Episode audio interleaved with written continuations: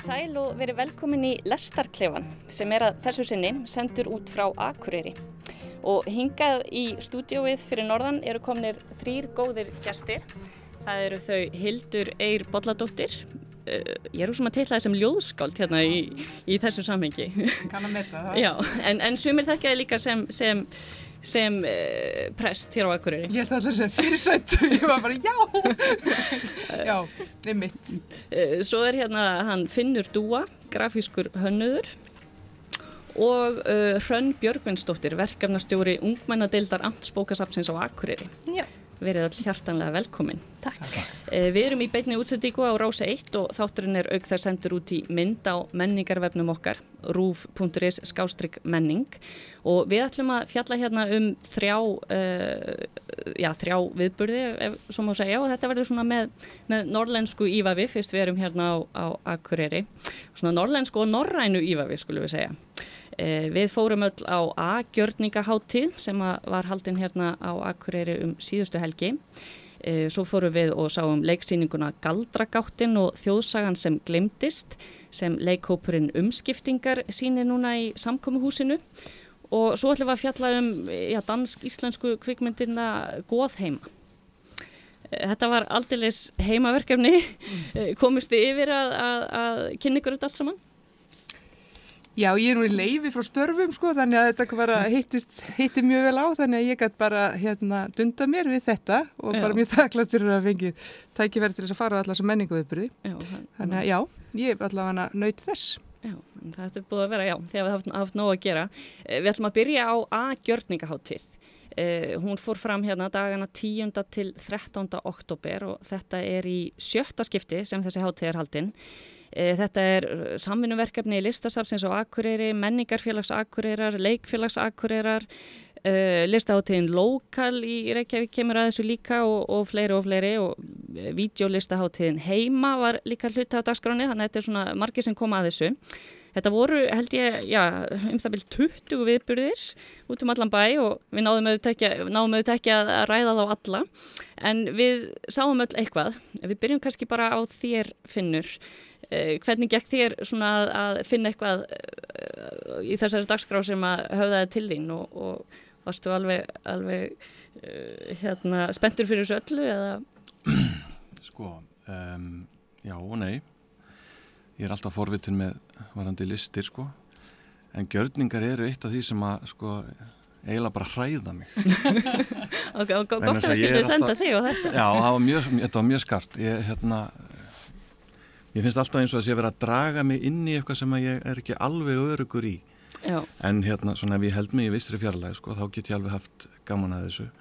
Og ég valdi mig kannski svona aðeins svona, svona eftir því sem ég get verið svona Já. safe. já, Þannig að hérna, já, já, ég uh, sá nokkur sinnum sem sagt uh, labbaði fram hjá mjölkubúðinni já. að sjá Spangoland hjá Já. vinnum mínum í kaktus. Einmitt, voru, já, þau sem eru hérna með, með listarými kaktur sem að voru með svona gjörning sem að var í rauninni í gangi alla háttíðina. Þau voru hérna dag og sem nótt. Já, Og hérna, og þessi þrjú skipti sem maður staldraði við þarna og, og byrjaði svona eins að velta þessu fyrir sig voru mjög svona mismunandi.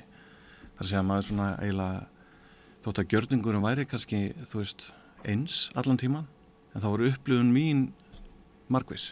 Veist, þetta var svona þú veist, á einum tímapunkti þá svona fann ég fyrir, þú veist, bara af hverju mér bara leið bara ágætlega að skoða einhvern gjörning þótt að mér líði eins og þau var að horfa á mig. Já, já. og kannski var það bara glerið sem að skildi okkur að að þarna var ég í friði. Þannig að hérna, ég hafði gaman að þessu. Þetta svona stu, stuggaði hérna vel við mér. Svo sá ég líka Freyja eins hérna, sagt í lista í Ketilshúsinu, já, einmitt, dansinn einmitt. Eh, Ég kláraði það nú ekki. Það var mjög áhugavert.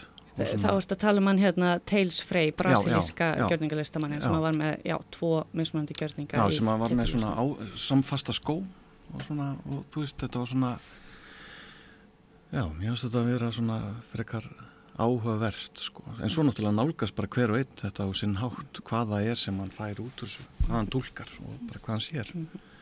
hérna, En fannst þér þetta breyta svona eitthvað, já, það, það að, að fara á þessa viðburði og, og kynna þér dagskrána, fannst þér það svona eitthvað breyta kannski þínu viðhorfi til þessa listforms? já, já.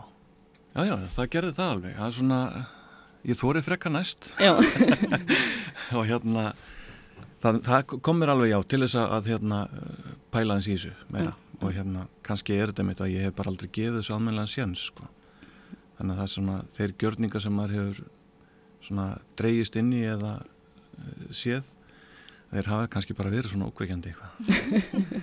Það er svona þegar er, maður er dreyin í eitthvað að vera þáttakandi, þák, þáttakandi í einhverju þá svona þá fer kúlið alltaf sko. Já, einmitt, einmitt. það er svona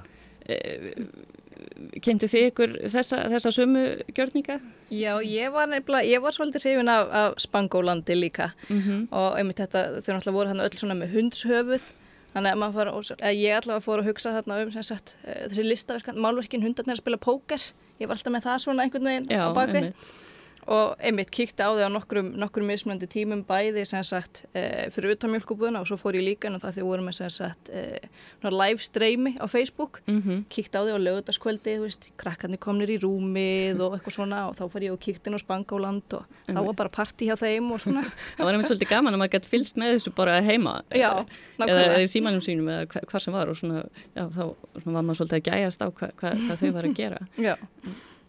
Og, og fannst þér þetta þetta yfir höfða til því? Já, ég hafði mjög gaman að, að þessu. En, en ég er svolítið, e, já, ég sammála finnir með það. Þetta er svolítið, þetta er svolítið út fyrir það endaraman að fara á svona gjörninga. Og það var semst þarna, uh, voru tveir aðrir gjörningar sem ég var mjög hrifin af líka. Uh, annar sem að hérna, uh, heitir Invitation Inside a Stone og þá semst var það þannig að hérna, uh, maður fekk svona eins og, og gleru búin til úr steinum. Og þetta var svona bundið utanum hérna, höfuð á manni og heyrnatól sem var eins og steinar. Uh, einhvern svona grjóna, ekki grjónapoka heldur hérna voru steinar í þessu og settur á axlirnar. Og, og svo stóð ég þarna í miðju listagili með hérna steinagleru og, og steinaheyrnatól og grjónapoka á axlunum og, og stóð þarna og sá ekki neitt. Já, en allir, allir gáttu hort á mig. Já, Þannig. Ég, þannig að- sá, ég fór líka þennan gjörning Sunnu Svavarsdóttur Já. sem er, er hérna nýjútskruð frá listaháskóla í Hollandi. Akkurat. Já. Mér fannst þetta mjög skemmtilegt en það eina sem kannski svona háði þessu pínu var að þetta var á þessum stað á förstu degi klukkan fjögur. Og það var svo mikið trafík. Já, að maður heyriði bara í bílunum. Ég held að þessi sami gjörningur bara, bara út í náttúrunni, það væri alveg bara alveg magnað. Já. En hérna, Ég en ég fór, fór á hann hjá þessu. Hófi sko daginn eftir þannig að það var aðeins meiri, einmitt, það var svona í meiri ró og Já. friði. Ég Já. heitast líka af því sko. Já, Það er á rétt. og hvernig var svona þín upplifun af, af þessu? Ég, sko, adrenalín fíkillin í mér er alltaf daldi spenntur fyrir gjörningalist, sko, því að, hérna, mér finnst mjög gaman að lenda í einmitt einhverju svona vandræðilegum aðstæðum. Það, mér finnst það alltaf mjög skemmtilegt og uh, mér finnst alveg ótrúlega, sko, virðingavert og, og hugrægt af, sko, einhvern veginn að, að séru verið að haldi gjörningalistaháttíð á Akureyri. Sko ég held að sé ekkert mál að halda gjörningalistaháttíð í New York þar sem að engin, sko, engir þekkjast og koma bara og eru einhvern veginn sko. En hérna er verið að, að, að sagt, láta fólk taka þátt í gjörningum bara Siggu og Jóa sko sem búa þú veist, í sömu götu og Akureyri og vita alveg, þú veist, allt um hvert annað og eitthvað svona. Það gerir þetta að miklu meiri áskorun. Mm. Og ég fór til dæmis nýri hóf, það var þarna þáttöku gjörningur uh, Haraldar eða Haralds Jónssonar Mm og ég var ymmit að hugsa að það var alveg rosalega mikið líkamlega nánt í þessum gjörningi sem að, að, hérna, að ég tók þátt í og allir enduði saman í einhver svona kraðaki og þetta var svona gjörningur samstöðunar. Og þú veist, ég var ymmit að hugsa þar sko, þú veist, þetta var svo skrítið að því ég þekkti náttúrulega alla sem að voru eða vissi hverir hver, hver væru. Og, hérna, og þar hugsaði ég ymmit þetta, þessa pælingu sko ef þetta væri bara einhverju erlendri stórborg og þú veist, maður vissi ekkit hvað fólk þetta væri, það væri einhvern veginn öðruvísi. Þannig að, að þe því leiti er þetta svolítið magna að halda svona hátíðina og mér finnst sko gjörningalist sko er svo mikil hérna áskorun fyrir uh, þann sem að nýtur hennar sko vegna þess að þarna ertu sko þarna er, er þið stiltu við vegg sko og, og þú þarfst að finna útbyttu. Er er þetta list eða er allt list eða sko gjörningalist, þetta er alveg satt að kalla þetta manneskjulist, þú veist, því gjörningur getur verið bara hvað sem er Mm.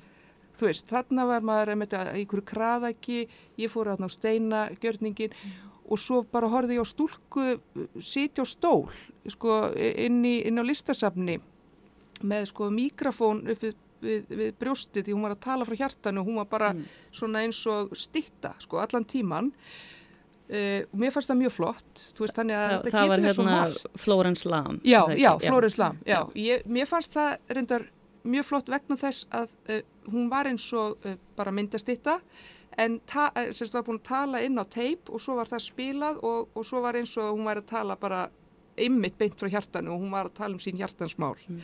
og ég reyfst aldrei því, ég skal alveg viðkenna eins og finnur mér alveg auðvitað þó ég sé hérna góð með mig núna sko þá finnst mér alveg pína áskorun að vera í svona þáttökugjörningi skal alveg viðkjöna það, það, það er líka gott að láta augra sér. Og við höfum kannski bara pínu gott af þessu líka mjög. í þessu litla, litla samfélagi. Já, mjög, mjög. Og ég er bara hvetið þess þetta er nefnilega verði áfram ymmit að því þetta er svo lítið samfélag. Já. Var eitthvað fleira sem að þið sáuð sem að ykkur þótti áhugavert? Já, uh, uppáhaldsgjörningun minn var hérna uh, ljósmyndastúdjó Smith og Lee. Já, þau voru þarna í deglunni var ekki? Já, og, og eins og eðlilega náttúrulega meðgjörninga þá eru það svona mjög óræðar lýsingar um það hvað er að fara að eiga sér stað og, og þau sem sagt gefa þessu út fyrir að vera þarna með svona gagnvirkan ljósmyndagjörning og þau sem sagt fá fólk inn til sín, taka við einhvers konar viðtal og taka svo ljósmynd út frá þeirri persóni sem þau skinja að maður sé. Þannig að ég sagði, vá, áhugavert. Og ég fer þarna inn og, og tala við þau og, og það er svo opaslega gott að tala við þau, þau hlusta svo vel og ég er bara farin að bara bara hella úr bara sálinni, bara öll mín hjartans mál, bara þú veist, bara lofslagskvíði og, og bara læsi ungmenna og bara allt svona og svo stillaði mér upp og íta á hérna kveiki á tímastilli á myndavilni og svo hverfaði á baku tjald fyrir aftan mig og svo heyri ég bara að þau eru byrjað að rýfa sig úr fötunum og ég bara, nei, guðmengóður, hvað er í gangi? Og svo um leið og smellist af að þá stökkvaði fram á einhverjum svona náttfata gamaldags nærfata eitthvað svona hoppi einhverjum stellingum á bakvið mig. Og og ég reyndar náði á þessari ljósmynda að halda kúlinu og er svona bara nokkuð virðulega svipin Já. en ég get alveg ímynda mér að, að þau fái margar mjög kostulegar myndir út úr þessu. Já, skrítið. Já, ég, ég, voru rosalega svett ég fór þarna og svo vissi ég að þetta væri eitthvað svona viðtala eitthvað sem að ég hafði ekki alveg tíma þetta væri eitthvað nú langt en ég gaf þessu ekki þetta hérna, séns. Séðu, séðu Já, ég mitt svo fór í heim og bara sendi strax á fullt af fólki bara, ó ég mæli sérstaklega með þessum gjörð þetta var ótrúlega áhugavert og svo alveg hlakkaði í mér bara ó, ó, ó. Ég, ég fór einmitt líka, líka á þennan gjörning og, og, og einmitt uh, fannst voða notalegt að spjalla við þau og, og svo var þetta einmitt endað þetta svona á svona komískan hátt. En ég fór einmitt að velta í hans fyrir mér hvort einhverjum geti þótt þetta sko Eh, já, svona upplifað bara að hafa verið pínu notaður, já, sko, eða svona einhvern veginn, ég vil fann að segja þeim eitthvað, hérna, eitthvað mjög persónulegt, sko, og svo, hérna, svo kemur svona eitthvað, eitthvað grín hann í lokin, sko. En, en þetta var allavega mjög, já, svona áhugaverð upplifin. Já, mér fannst alltaf líka bara einmitt eftir því svona sem leið lengra, fyrst var ég bara ótrúlega hissa. Og fannst það bara mjög skrítið allt saman og svo fyrir spá svona hvernig allir mamma hefði brúist við þessum aðstæðum og svo bara ok, það væri ógeðsla fyndið. Þannig að svona, fannst þetta alltaf betra og betra eftir því sem að leiði lengra. Það sem ég finnst að skemmtilegast við svona gjörninga og svona gjörningalist það, og, og ég held að sé sko endanum sko stóri gjörningurinn að það er allt fólkið sem að er bara og, og kallast þetta list er þetta list? Og, og ég er vissum að gjörningalistafólkið er allt sko að býða eftir þessu viðbröðum og hlær síðan saman sko í lokapartíunni yfir öllu fólkinu sem er bara og hvað á þetta kallast list? og eitthvað svona. Það er alltaf svömu viðbröðun alltaf einhverju með það sko. Já, en, en eru er þið Finnur og, og Hrönn uh, samála hildi með það að já bara kannski þó maður hafi kannski ekki endilega áhuga á þessu eða eitthvað svoleiðis bara að við höfum svolítið gott af þessu og þetta sé jákvægt að, að halda svona hátíð hér? Já, já, hygglust Já, algjörlega. Það er bara, þetta vekur líka mikla aðtegli og bara fólk verður að fá að njóta sín. Það er bara þjótt að það sé eitthvað svona sem að stökkar eitthvað við mér og þá, þá vil ég nú samt bara að aðri fá að, að njóta og hafa gaman sko. ég veit nú ekki hvert ég hefði farið ef ég hefði farið í degluna það hefur verið mjög komist Það hefur glórið mjög góð mynd. Já, ég veit ekki alveg svona hvort ég hef- hefði verið vandralegur eða bara reynd svona kannski, kannski bara treysti ég sjálfum mér ekki alveg nógu vel sko. Svona viðbröðum mínum gagvart einhverju svona Já, þess vegna segir það, og þú kannski verið reyð, þess vegna segir það er í raun og verið, hvort er það listamennir eða viðfangið sem er listin og endanum í gjörningalist. Nei, Það er svo spurningin, sko. Já, já, svo er náttúrulega ekkert allt list en við höfum ekki tíma til að ræða við, höfum ekki tíma til að fara, að klá- klára þá umræðu allavega. En við skulum, við skulum segja þetta gott af, af A-gjörningahátti. Hún verður haldin, haldin að ári og, og spennand að sjá hvað við bóðu upp á, upp á þá. Þetta er orðin svona fastur liður hérna í, í menningarlífinu hérna á, á Akureyri. En uh, frá gjörningalistinni þá ætlum við að færa okkur yfir í, yfir í leiklistina. Eh, Galdragáttin og þjóðsagan sem glemdist er nýtt leikverk sem atvinnuleikhópurinn umskiptingar setur upp í samkómuhúsinu núna og þetta er gert í samstarfi við leikfélagið. Umskiptingar semja verkið og í þeim hópi eru einmitt vandræðaskáld sem semja alla tónlistina í verkinu. Eh, svona í stuttumáli þá fjallar þetta um eh, krakka sem að opna fyrir slistni gáttinn í annan heim, eh, hlið heima, þjóðsagna heimi, það sem þjóðsagna personurnar okkar búa. Og sjöundu bekkingurinn eh, Jón Árnason, honum er rænt af henni hræðilegu húmskollu og bekkjarsískinni hans Sólei og Bjartur leggja upp í, í hættulegt ferðalega til að reyna, reyna bjargunum og úr þessu verður heilmikil atbyrðar ás þar sem að kynja verur íslenskra þjóðsagna koma fyrir. Eh, við fórum öll, öll, öll, öll að sjá þetta glæni að verk. Hvernig fannst ykkur takast til? Við byrjum kannski bara á þér. Hrönn. Mér fannst þetta bara alveg ótrúlega skemmtilegt. Virkilega flott síning og, og uh, ég fór sérst, ég fór með sinu mínu sem er fimm ára og ég veit eiginlega ekki hvort okkar skemmti sér betur. Nei. Og ég er, ég er mikill aðdáðandi vandræðaskálda og þau, svona, þeirra húmus hann skín í gegn þarna í verkinu. Mhm, og einmitt þetta með að það er svona, uh, þetta er náttúrulega kannski badnasýning en það er alltaf svona þessi svona lagskipti húmor. Þannig að það er fullt af brandurum sem að, sem að krakkanir kannski skilja ekki en fullorðinu fatta. Þannig að ég finnst það mjög skemmtilegt.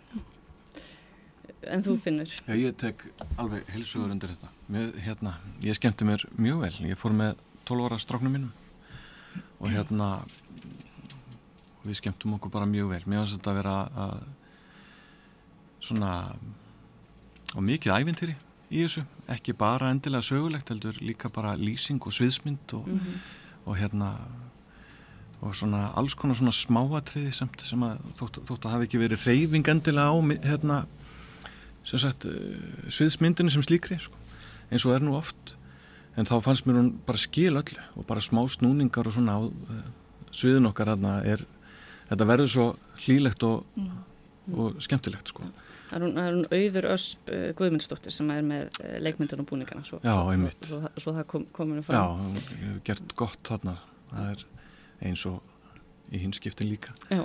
Það en þetta var bara mjög, hérna, mjög skemmtilegt og það er svona mjög áhugavert að veit ekki hvern- hvernig þið settu þetta saman eins og með aðgjörningaháttíð og svo galdragáttin og svo góðheima þetta snýst allt um eitthvað innstig eitthvað úr einhverju yfir í annað. Mm, skiljiði mig? Já, já. það er svona, þetta sé vissu Svona gátt líka í gjörningaháttíðinni Mm, þar sé að sem við þurfum að fara inn í og þannig að hérna Já, já, svona en svona í heildarkonseptinu var þetta óvart eða var þetta Já, já, þetta var eiginlega óvart sko, en, Já, en, en ok. svo svona þegar maður fer að hugsa um það þá eiga, eiga þessir viðbörðir ímislegt sameiglegt. Já. Þetta eru svona Aldrei að viðkynna snilt sér óvart. Nei, nei, nei, nei, bara þessi út- allt úthugsað, neymi, það eru svona þessir, þessir hliðheimar í þessu öll, öllu saman sko.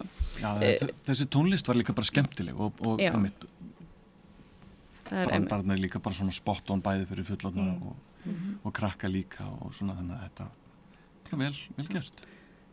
Uh, Hildur, hvernig fannst þér bara svona leikritið sjálft, bara, þetta er náttúrulega bara glænýtt Mhm. íslenskt leikrit komið þarna úr sem byggir svona á okkar gamla, gamla þjóðsagna arfi, erum við kannski komin þarna með eða leikrit sem getur bara lifað jafnvel áfram og Alveg öruglega og einmitt að þú spyr þetta, sko, um þetta þá var ég nefnilega akkurat svo fegin að upplifa bara svona stráng heiðalegt leikús fyrir börn, þú veist, Já. mér fannst nefnilega við sko allt í einu aðeins vera að fara aftur í einhvern veginn kjarna leikúsins eða ef maður getur orðað þannig og þegar ég kom með sínum mínum 11 eh, ára þarna inn í, í samkómús og sá öll þessi börn sem voru mætt þarna á síningu og náttúrulega fullur salur og það var önnu síning svo setjum daginn, þá var ég svo fegin, ég veist að með mig það er ennþá verið að fara með börn í leikús og til að sjá svona verk. Mm -hmm. Af því að það er nú eins, eh, svo ég tækir nú kirkjun sem dæma þess að ég starfa og leikúsið, að maður sko fer ekki með börn í leikús eða sem sagt meðan þau eru börn þá er nú kannski ekkit mjög miklu líkur að þau verði leikús unnundu þegar það er fullarum, það er eins með kirkjuna það þarf að vera öllut batnastart til þess að fólk komi setna í kirkjuna og þannig er þetta bara með svona konsept leikritið e, fannst mér e, skemmtilegt, ég menna það, það hafði allt sem að batnaleikriturinn þarf að hafa. Þú veist, það var uh, fræðandi vegna þess að uh, á þess að vera íþingjandi fræðsla fyrir uh, krakkana, þetta var ekki eins og að vera í skólanum, en það, var samt fræðandi þannig að það er komið þarna inn í sko, þjóðsagnarfin, Jón Átnarsson að, að þú veist, þau vita þá allavega það að það var hann sem að sapnaði saman þjóðsögunum og alls konar svona og svo voru þarna líka svona siðferði stef, þú veist, það var verið að tala um einelti og það var verið að tala um Uh, sko, hættuna á sjálfstyrkuninni sko, sem er náttúrulega bara mjög mm. aktuelt aðrið í dag á sko, tímum samfélagsmiðla uh, hvað, það er, sko, hvað það er að vera sjálfstyrkandi og hvað afleggingar raunverulega það getur haft í samskiptum ja. Og hérna og, og, og, og þannig að þetta, þetta leikverk uh, og þessi dagpartur sem ég, ég eitti þarna með sínum mínum sko, gerði það verkum að, að til dæmi skáttu við þá rætt ymmit einelti við erum komið út í bíl uh, sko, sem er eitthvað sem ég hef verið svo nokkrum dögum áður í, í, sko, á fundi í skólanum hans út af, út af slíkum málum sem, sem bara genir allt í skólanum og allt í hennu var þarna komið tækifæri og það er þetta sem leikurs á að gera til dæmis, uh, sko, auðvitað skemmtamanni en þá líka að hjálpa til við að alveg börnur okkar og hérna ungmennin sko því það er heilt þorp til að alveg börn og þess vegna var ég mjög þakklátt sem bara fóreldur uppalandi að fá þessi stef með mér til þess að vinna með bara sem uppalandi. Svo var þetta bara skemmtilegt og, og fyndið og ég er bara varum að hugsa hvað er mikið sko, kvalreki, mikil kvalreki fyrir bara norðlæst menningarlíf að fá umskiptinga að neinn mm -hmm. uh, bara fólk sem er einhvern veginn, þau eru svolítið svona auðmjúk, hóvær en full af hæfileikum að bera fram alls konar hluti sem þau eru að skapa fyrir okkur og hérna og það var ekkert verið að rempast þarna. Þetta var nefnilega bara svona, uh, þetta var bara ekta og einlegt.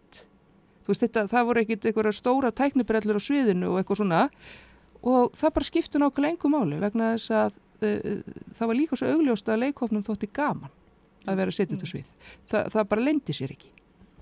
Já, svona mikil leikleði. Mikil leikleði og greinilega sko maður sá bara, allavega skynjaði ekki að það hefði verið gaman á æfinga sko tímanum, þetta er fólk sem hefur notið þess að vera að gera þetta og, og þetta eru bara öll frábærat á sviðinu en þetta er sko uh, Viljálmur uh, Bergmann uh, sem að leikur fyrst kennaran í skólastofunni og og síðan Álfinn, mm -hmm. hvað heitir hann ekki, Blær, Blær sem að, sko, ég menna, hann er náttúrulega náttúru talent, sko, að því leiti að, að hann náttúrulega mýmikinn bara í andlituna á honum, tímasetningar, þú veist þegar hann er að segja að finna hluti og hann er með þetta allt sko.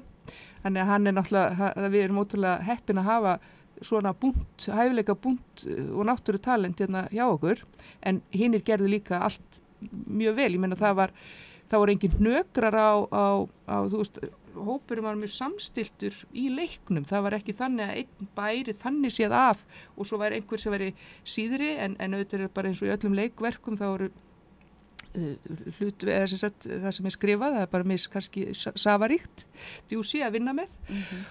Og, en allir gerðu vel það sem þeir átt að vera að gera sko, fannst mér og, og bara það er þetta náttúrulega barnaleikur til leiku stórt og, og, og það, það, það, það er alltaf í svona barnaleikritum, það, það er bara leiki stort og þetta er, þetta er ævintýri. Af, af því þú nefn, nefnir Viljálm, hann, hann er annar, annar tvekja vandraða skálda og samt enni Cecilíu Ólafsdóttur og þau Já. semja einmitt alla tónlistina og, og textana. Hvern, hvernig fannst ykkur tónlistin? Mér finnst það frábær. Ég bara, ég búin að standa með því bara núna nokkur sérum síðustleina viku að það er að raula lög úr Já. síningunni þannig að þau bara strax ná manni, eða mér allavega þannig að Já, þetta er bara þessi ráleiki líka mm. veist, þessi innfallleiki og mm. veist, þetta, það þarf ekkert alltaf að vera flugveldasýning sko. mm. og það er hérna, ég tök undir með Hildu að hérna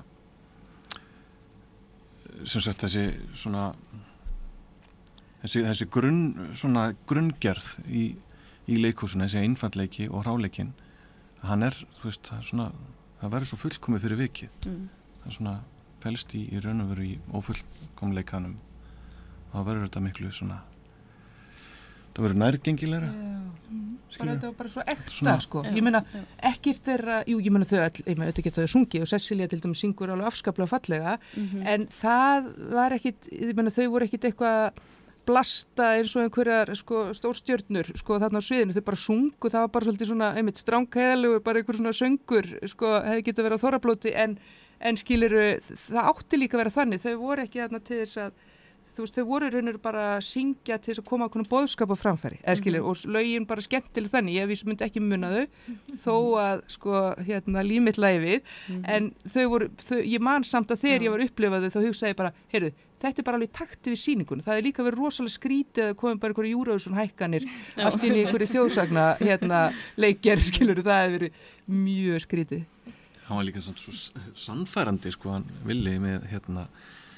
Hvað maður segja, þótt hann hafi svona verið pínu svona svikull álfur Mhm. Já. en þá var það samt sko maður hafði svo mikla hann. Sympatískur Já. alveg. alveg Já, auðvitt, sko. Það var bara, æja, hann bara neittist til þess Já, já, já, já, já. það er svona Já, hann fór ekki taugarnar á manni eina Nei, sekundu, sko, maður, maður þrátt sakaði hann fyrir. ekkert um eigingirni og, og Nei. svona eitthvað, þetta var bara Það eru margar mjög skemmtilegar personur í, í, þessu, í þessu verki. Já. Fannst ykkur takast vel til þar? Já, ég, við vorum eiginlega bæði sammála maðurinn sko um að hérna nikurinn væri í uppáhaldi hjá okkur. Já, og þá kannski líka svona einmitt eh, mismunandi ástæður fyrir því einmitt út af þessu svona, svona lagskipta húmor í síningunni að þá fannst sýri mínu náttúrulega brjálaðslega fyndi alltaf þegar að nikurinn þurfti að rjúka í burtu og stinga sér út í vatni í hvert skipti sem að, sem að einhver saði eitthvað sem byrjað enn. Að mér fannst það meira bara hvernig típa hann var, hann var svona ég veit ekki, mér fannst það vera svolítið svona eins og Frankenfurður. Já, nákvæmlega, Frankenfurður hann var í foss Það var það sem ég hugsaði Það var bara, mér fannst það dásamlegur Ég upplifaði akkurat Já, og veist. ótrúlega slísi típa einhver bara. En hann náði samt einhvern veginn líka að vera svona sko dýpri karakter Já, að já, einmitt. hérna, Já, þau eru árind. já, þá einhvern veginn komið ljós, hann var ekki alveg eins, hérna, það var, já, Já. svona, ekki eins einfaldur og maður kannski uh, haldið, sko. Þannig að, uh, já, en, en aðrir, aðrir leikarar, þau eru þarna mörg, eða já, sum sem til dæmis þurfa að bregða sér, sér í nokkur hlutverk, það voru mörg svona minni, eða svona, já, hvað maður segja, svona, uh, já, eins og til dæmis Ce- Cecilia Ólafsdóttir og hún Jenny Lára sem að að voru þarna í, í nokkrum hlutverkum og þurftu að ekki- skipta svolítið um búninga og búa til eh, já, ná að ljá hver einustu personu uh, svona Líf. Það er, það er nefnilega, sko, það, það gleymist þetta, það er ekki, því, sko, það er ekkit alltaf öfundsvert að, að fá slík hlutverk í síningum, sko, því að uh, að vera í mörgum hlutverkum það er mikil list og mikil kunst og ef það er ekki velgert, þá tekur maður eftir því. Mhm. En ef það er velgert, þá gleymist það samt oft og, og þeir sem fá að vera í sko, hlutverkum allan tíman, sem sagt sínum hlutverkum, svona kannski taka svolítið sviðið og allir tala um þá. Og, en þær augljóslega gerðu það vel, Cecilia og Jenny vegna þess að, að uh, uh, sko, það voru skör, veist, það var alveg skil á milli hlutverkarna þeirra og það voru ekkit að endur taka sig sko, á milli, milli þessara smá persóna, þar gerðu hverja persónu sko sjálfstæða.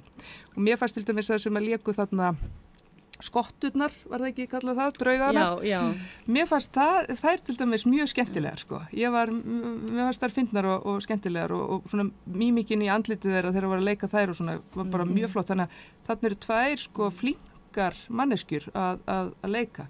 Eins og ég segi, það er það er sko, það er alveg rosalega mikið list að leika mörg lítið hlutverk í einnig síningu hann er einmitt líka í já, alveg allavega þremur hlutverkum. Hann Hjalti Rúnar sem að, sem að leikur Jón Átnánsson og, og Nikurinn einmitt og svo uh, Skuggabaldur, er það ekki? Já, einmitt, já, þau voru nú skemmtilegt Já. hérna uh, dúo Skuggabaldur og, og, og Skoffin já. þannig að þetta eru svona, já, eh, fjöl, fjölbreytt hlutverk þarna. Og svo fannst mér bara, þú veist, mér fannst líka leikmyndin sko, þetta er náttúrulega ekki stórt svið, sko, og hérna, nú er alltaf verið að sína, þú veist, þessar barnasýningar á stórum sviðum með alveg ofn Mhm. og það sem að le leikararnir hafa auðvitað alveg ofbúrslan stuðning af einhverjum svakalegri leikmynd sem er búið að hanna, bara svona mm nánast Disney leikmynd sko, það er svolítið nútíminn mm. en þarna varum við aftur komin í svolítið svona gamaldags eh, sko leikmynd. Sko leikararnir eh, hefðu kannski ekkit mikinn stuðning af leikmyndinni en hins vegar hún var líka bara hóvær eins og annað sem var, sko, kom þarna. Þannig að en, en hún gekk alveg upp sko. En, en, en þeir ef að, sko, ef að leikriti hefði ekki verið skemmtlegt og, og, og allt svo leiðis þá hefði maður, maður ekki tvundist þetta sérstök leikmynd. Ég verði alveg að segja það sko. En mér fannst hún sko hún var bara alveg nóg vegna þess að leikritið var skemmtilegt og gott og innhjálpsríkt og leikararnir gerði vel. Það er svona mitt mat. Já, ég er ekki alveg samanlega. Mér nefnilega fannst leikmyndin alveg frábær. Hún var mm. einföld en e, það voru svona þessar svona praktísku lausnir svona eins og mm. þegar þau gerðu svona alveg bara beljandi stórfljót bara úr einhverju svona plastúk og það, mm. mér fannst alltaf, mér fannst ég alltaf upplefa að það væri svona svona mögnuð náttúra og svona, mér fannst þetta skila því þó að þetta væri vissulega svona einfalt mm -hmm. eins líka fossin og svona já, einmitt, sko, þetta, og fara bak við fossin og þetta mm -hmm. mér finnst þetta mjög skemmtilegar hérna, lusnir sem að auður hefur þá mhm. hérna, framkvæmt mhm. og mér finnst spúningarnir mjög, mjög flottir sko. þú veist, mér finnst þeir mhm. alveg já En það er, þeir, já, en auðvitað var, mér fannst ekkit aðið leikmyndinu, mér fannst hún ekki, sko, ekkit mjög eftirminnileg, en, en mér fannst hún, hérna, í raun og veru bara gekk hún upp með leikritinu, sko. Mm -hmm voruð þið hrætt við húmskolluna?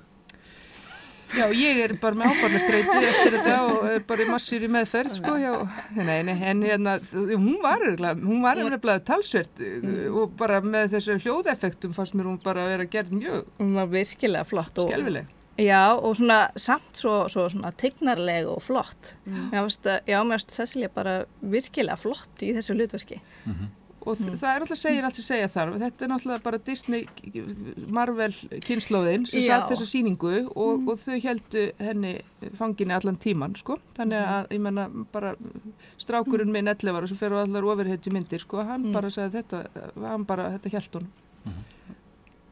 uh, Haldið að þessi efni viður þannig er því að vinna í rauninni með, með þjóðsögurnar og, og það er einmitt já, svona, að hluta til kannski tilöfni þess að það eru núna 200 ár liðin frá fæðingu Jóns Átnánssonar og, og, og þau taka þarna þjóðsagnarfinn og, og setja, að já, nota hann sem innblástur.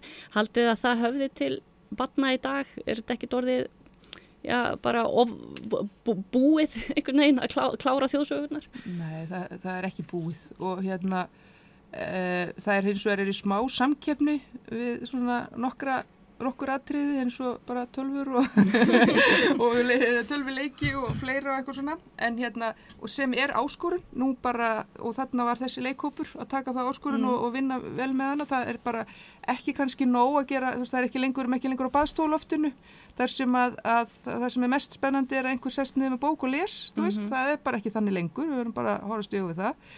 En sko að segja börnum sögur og þjóðsögur uh, uh, eins spennandi og þær eru og, og með litríkum karakterum það, börn er ekki dörfís í dag en hérna áður fyrir að það getur alveg gjörsamlega grípiðu mm. ef að það er gert bara uh, með þeim hætti sko eins og var bara gert í þjóðleikur, nei hérna í samkómuhúsinu núna.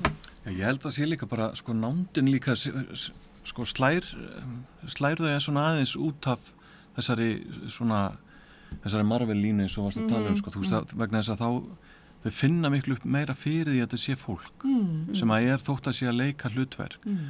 og, og þótt að færi úr náttúrulega einhverjum styrluðum grafíkum úr einhverjum rosalögum bíómyndum -hmm. yfir í bara einmitt foss og fljót sem er mm. gerðuð plastu með vindvél mm. þú veist þetta er svona þetta gefur þessu samt sko maður það er svo gaman að sjá krakkan að taka samt við þessu svona -hmm. þannig að ég held að, að sko já ég Hvernig orðaður eru nákvæmlega spurninguna þið náða? Um, já, já, ég, ég var svona veltað fyrir mér hvort að líka sko þjóðsögurnar ættu ennþá já, erindi. Og, og sko ég bara fyrir mittliti að hérna, þú veist eins og bara börni mín þegar við ferðumst og svona, þetta svín virkar hjá þeim ennþá sko. Mm. Þannig að það bara... vill ekki heyra draugasögur skiljið, það er bara að heyra badd þá langar mann að heyra draugasögur sko. Já, líka bara um samt bara svona sögulega staðrindir og svona mm. varðandi hinn á þessa staði bara, mm. hvað sem maður er að kera bara til Reykjavíkur eða Kjöl sko mm -hmm. þannig að hérna maður reynir nú alltaf bara sinna hlutverkinu sína Ég, líka, ég er svo ótrúlega ánæg með þau líka að sagt, meðfram þessari síningu að vera sagt, eh, að þau eru blása til þjóðsagna samkeppni Mhm. Já. og þau eru að fá krakka til að skrifa sínar eigin sögur út frá þessari, já vonandi fá þau einhverju hugmyndir út frá þessari síningu og þau þá líka kannski langar til að sækja sér aðeins meiri fróðleika Já. eftir að hafa Já. síða þetta. Og líka þetta, það þarf ekki að vera svo hátilegt þó við séum að tala um þjóðsugur. Þetta er nákvæmlega. sem Benedikt Ellingsson leikari sagði sko, með ömmu sína þegar hann var strákur að hún vakti áhuga hans og íslendikarsjónu því hún sagði honum það er svona eins og kjaftasögur og, hérna, og hann upplýði það þannig bara við eldúsborðið Já. og hann alveg sko var uppnuminn og, og sko þannig að það er með þessa hluti sko uh, það er bara þetta að sko sker ekki sko setja þetta ekki upp á eitthvað stall heldur hafa þetta í sko návi eins og, eins og Finnur var að tala um og, og, og, og aðgengilegt sko. En úr, úr þjóðsagnaheiminum þá skulum við færa okkur yfir í, yfir í góðheima, það er svona hlið, hliðstæður þarna. Eh, Við fórum að sjá kvikmyndina góðheima sem að Sambi og einn sína um þessar myndir uh, og þarna er eins og í galdragáttinni verða að sækja efni við fyrir börn og ungmenni í, í gamlan sagnaarf en þessi mynd hún byggir á góðheimabókunum vinsælu eftir Peter Madsen. Þetta er dönsk mynd en það er fjöldi Íslandika sem að kemur að framleiðslunni. Grímur Jónsson er meðframleiðandi og þarna eru tvær íslenska leikonur, Salome Gunnarsdóttir og Lára Jóhanna Jónsdóttir. Uh, og, og það eru Íslandikar þarna í að hanna búninga og, og, og hár og gerfi og, fleira og nokkra senur í myndinni teknar á Íslandi, þannig að það eru svona tengingar þar. Uh, myndin fjallar svona kannski á stuttum í, í, já, svona Við, við einföldum þetta um, um mannabötnin Röskvu og Þjálfa sem fari gegnum, þess að fara yfir í góðheima með Þór og Loka og þá eru góðheimar að hruni komnir og góðin ósátt og, og börnin svona koma þarna, þarna til, til bjargar. Ef við byrjum á þér hrun, ég ímynda mér að þú þekkir vel þessa bækur bara úr þinni vinnu á, með ungu fólki á Amtsbókasafninu. Já. Varstu spennt að, að sjá myndina? Ég var nokkuð spennt að sjá myndina. Uh, hún kom mér svolítið óvart uh, kannski einmitt af því að maður er orðin svo vanur þessum svona Marvel myndum, þessi hasar, það er alltaf svo mikið að gerast. Mm -hmm. uh, mjög róleg framöndan í þessari mynd. Og það rauninni ekkert, ekkert slemt en, en það, það kom mér óvart þetta var ekki alveg eins og ég bjóst við. Uh, og ég fekk hana með mér 13 ára lánsbarn til að koma með mér og, og, og vera álitskjafi og hérna og hún einmitt líka er sem sagt mjög hrifin af Marvel myndunum og, og les mikið svona fantasíubækur og svona. Og já, henni fannst þetta skemmtileg mynd, það var það sama. Henni fannst hún svolítið róleg, það væri ekki endilega slæmt en samt kannski hefðu þau áhrif að hann langa ekkert endilega til að horfa á alla myndin aftur í heilsinni en fannst marga flottar senur. En hérna já, það var svona.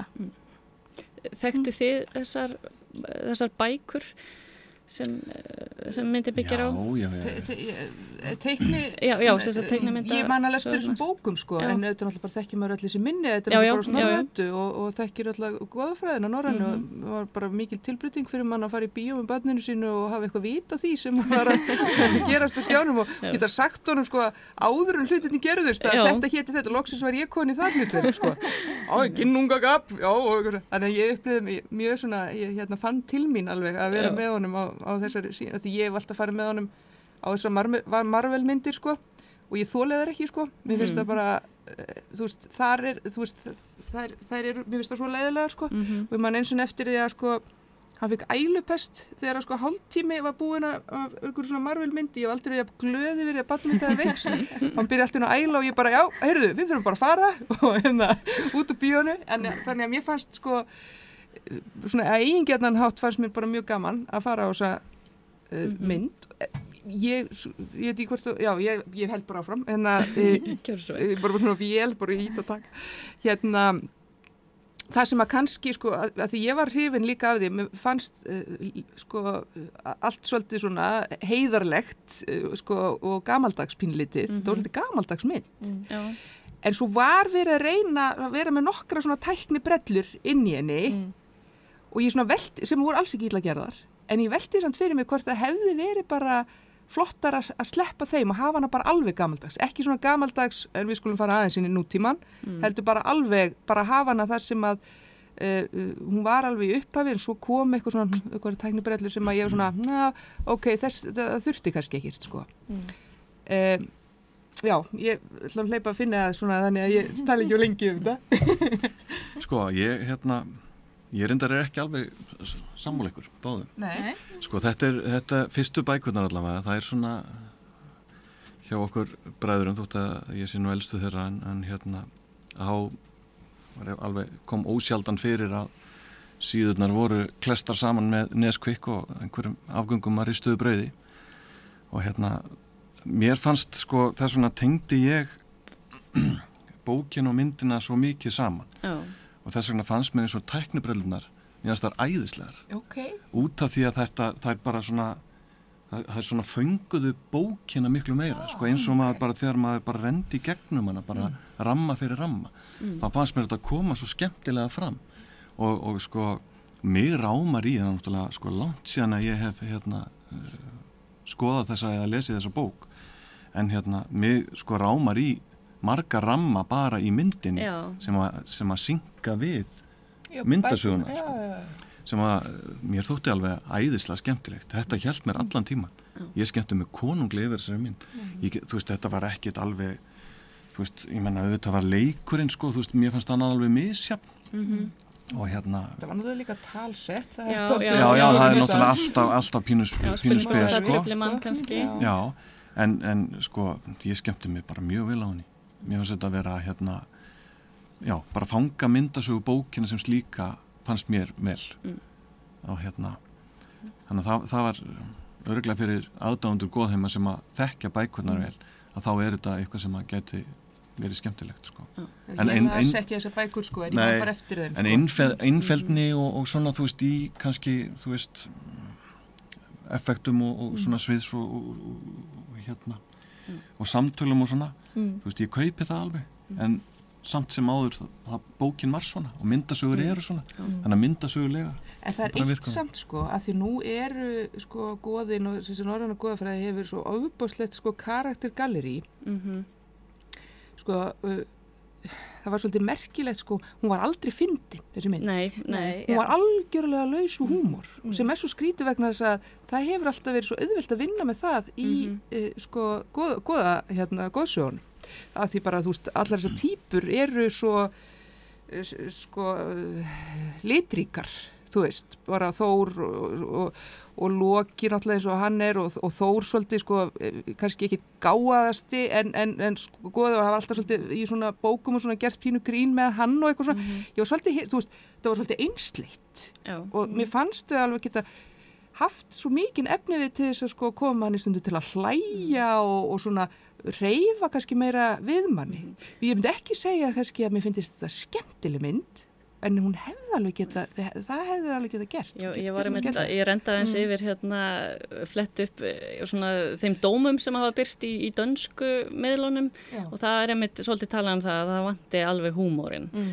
og að svona personurnar séu kannski svolítið svona flatar. Flatar, þær eru pínuti bara allar eins. Já. Það er bara goðin sítið við hringborð rússalega flottu sko, útlitt á þeim og búningum og allt þetta en það er bara í lengin munur á frey og frigg og, og það er lengin munur og þór og tí það er bara, þetta er nákvæmlega mm. sami karð og óðinn bara ef hann vant að auða þarna þá myndur maður ekki vita hver óðinn væri sko. pínu þannig Já. Og, og svona kannski, ég reyndar veltið fyrir mér af því ég hef ekki, ekki lesið þessa bækur og, og mér fannst ég svolítið svona eh, já eins og til dæmis Röskva sem er svona, aðal, aðal personan, mér fannst ég ekkert kannski ná að kynnast henni uh, mikið en þá fyrir ég svona veltaði fyrir mér uh, hvort það væri líka kannski af því þetta er byggir á myndasögum þar sem að mm. og, og hún, hún segir kannski ekkert mikið í myndinni sko Nei. til þess að maður ná að kynast henni þannig þá fyrir ég hugsa hvort að það væri kannski um, já mögulega með út af því að þetta byggir á myndasögum og, og þá einhvern veginn það verður svona já einhvern veginn styrilla Já Þessu er svolítið merkild að heyra þessu Finnur segir að því að hann tengir þetta bara við myndasögurnar og sér mm. þetta með þeim glerugum sko en ekki ég sko og ekki við, við hrönn. Þannig að það, það segir kannski svolítið mikið og enda er engin réttur dómur yfir svona verkum. En, en, en ég seg, mér fannst eins og að badnið sem leik röskvu hún hafði eitthvað sko eitthvað ævintýralega fegurð. Það var eitthvað svona bara horfa andlitið á henni, augunni henni. Og það að hún væri ljósins barn sko eins og kemur veist, það var eitthvað svona þú veist, mér varst það eitthvað alveg ótrúlega fallet að því barni var bara Mm.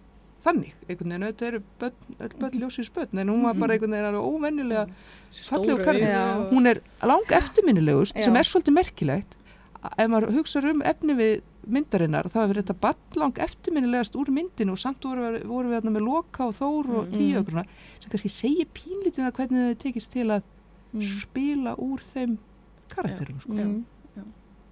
En svona, eh, já bara söguþráðurinn og framvindan í sögunni fannst ykkur þetta spennandi, fannst ykkur svona eh, höfðu þið já, upplifðu þið svona eh, hvað maður að segja svona samúð með personunum og einhvern veginn að þið áttuð ykkur á hvert markmiði væri og hver eh, já, þannig eru rauninni góðheimar að hruni komnir þið einhverja örvendingu eða svona fannst ykkur það skila sér mm. Já, það var svona einhvern veginn það var einhvern veginn svona kannski engin persóna sem að stóð svona mikið upp úr það voru allir svona bara mjög svona uh, hvað maður að segja svona briskir ja. mm. það, var, það var ekkert svona þannig að þessir eru, eru góðir og þessir eru vondir eitthvað svoleiðis heldur voru allir bara svolítið bæði og það var einmitt svolítið eins og, eins og hérna uh, hún Sandra sem kom með mér talaði um einmitt að hún kunni ekkert vola vel við þennan Þór, þú veist, eftir að hafa, þú veist, kynstunum á öðrum sviðum og svona fannst henni bara, neða, hann var bara svona, bara frekar leðilegu guð, sko. Já, kannski, kannski, kannski er það það, Já, já, akkurat. En hérna, já, Það er einmitt sko, ég kann ekki við þann þó Nei. sko. ég veist, ég maður hefur svona alist upp við hann öðruvísi sko. já, þetta, þetta var þinn þór þarna. Þetta, já, já, þetta var alveg minn þór Ég reyndar hefði viljað hafa með hár sko. já, já, ég reyndar sammála því, ég saknaði þess. svona, já, já, svona pínu svona eldhumt við hann Já. eitthvað sko. já, og hérna, kannski er bara út að já, já, já, þú, já, þú hefði viljað sjá hann með rautt hár, það er það sem það ætlar að segja. Já, er rautt hár og rautt skegg. Já, einmitt, vel gert. Nei, hérna, en mér finnst líka eitt svona áhugavert eh, sem var komið inn á eins og hérna, því að þetta er náttúrulega þetta tengist trú. Mhm. Mm. Þess vegna er ég vona að sko, mynd nummið tvö verðum ég svo Já, já sko, það er örglega hægt að gera eitthvað komist með það líka, Já, þú veist, en, en hérna en mér fannst sko hérna eins og þessi setning sem að þú veist eh, það var, var ekki Freyja eða var ekki sem að sagði við hérna Óðinn sem sagt við erum ekki dán mann, mannfólksins sko Já, Mm. og hérna sem ég þótti mjög áhugavert Mm. að það er náttúrulega einmitt trú er ekkit án okkar Nei, nei, ef þannig enginn að trúir hérna- þá er ekki, já. Mm. já, en þetta var mjög hérna ég skemmti mig vel Já, ég var bara líka, ég, sko, ég var fyrst og fremst bara svo glöð að uh, með efni viðinn, sko, að fá að fara í bíó og, og, og það væri vera og, og ég bara ætla að vera jákvæð, sko, út í myndina bara út af því, sko, að mér finnst það svo virðingavert, Mhm. sko, að, að þú veist, loksins hafi verið gerð svona barnamynd, sko, og, og maður hafi fengið þann tækifæri til þess að rifja upp, sko, norrænu Mhm. goðafræðina með Já. barninu sínu. En þú bara í vinnunni á mándaginn, það er fyrst þetta, þá tjekkar bara aðeins á bókinni. Heyrðu, ég, ég tók hérna fyrstu bókina með mér heim í gær og fletti svona þessi gegnum hana og Já, kannast þá aðeins við. Já, já, og svo, og svo sá ég samt bara eitthvað, heyrðu, þetta endar, þessi, þetta endar bara í miðri mynd, fyrsta bókin. Já, já. Svo náði ég ekkert að blaði bóknum með tvö í dag. Nei, þannig að þú veist að taka þetta svona í öf, öfugri röð, byrja á myndinni og, Já. og Ég verður fara að segja í mér að talsetningunni, hún var nú bara nokkuð Mm. góð, sko, eða bara Mm. mjög góð, þú það Já, og hérna, svona með það er aldrei ákjósanlegt finnst mér og þá fannst mér það bara að takast nokkuð vel, sko. Eh, Hvernig fannst, fannst ykkur uh, íslensku leikonurnar þarna, Salome og, og Lára Jóhanna? Það reyndar, uh, já, það voru ekki, ekki, ekki, ekki kannski, voru ekki stórum hlutverkum. Nei, þær voru ekki í stóru hlutverkum Mm. en, en, en þær voru, þær höfðu mikið, eins og maður segir vondur íslensk, mikið presans þegar þær komu á skjáin, það verður að segjast, sko. Báðar enda eru það báðar þannig, sko, þannig að Mm. það var hérna gaman að segja, ég bara vilja sjá þær vera með stærri rullu, sko. Mhm. Já, ég samanlega því. Eh, bú- búningarnir og, og, og gerfin, það er- hún Margrét Einarsdóttir, hún hannaði búningana, það voru nú margir, það voru nú margir fallegir. Já, mjög. Mm. Mér fannst, mér fannst það, það er bara mjög vel, mjög vel hefnað, sko. Já, skilja. og hérna uh, já og bara hún greinlega alveg þekkt sögurnar og hérna þú veist kunni þetta sko meðan stað, meðan stað er mjög vel hefnað Það er eins og við komum að áðan sko að hérna varandi þjóðsögurnar mm Mhm. -hmm. þegar vorum að ræða um galdragáttina og þá var einmitt strákurinn minn fór með mér sko og hérna og hann einmitt ítti í mig svona gaf mér smá olbúa sko þegar hann sá skot frá Íslandi sko mm. þarna var til dæmis eins og eins og dímon, stóri dímon Já, var Já. og hann tengdi það við náttúrulega bara uh, fljótseðina, brennunjáls sögu og svona. Og hérna þannig að það var greinlega svona, honum fannst það aldrei mm. var aldrei upp með sér að sjá svona skot frá Já. Íslandi sko. Já, Hann þannig að það eru svona al, alls, konar, alls konar tengingar hérna og þetta hérna uh, já, hang, hangir allt einhvern veginn saman. Já, já, Hjörleif sögði og kom hérna Já. en við, við komumst ekki, ekki lengra með þetta. Við langar bara að þakka ykkur kærlega fyrir komuna. Hildur Eir Bolladóttir Finnur Dúa og Hrönn Björgvinsdóttir. Og við segjum þetta gott hérna frá Akureyri en lestaklefin verður að sjálfsögðu aftur á sínum staða viku liðinni. Verðið sæl.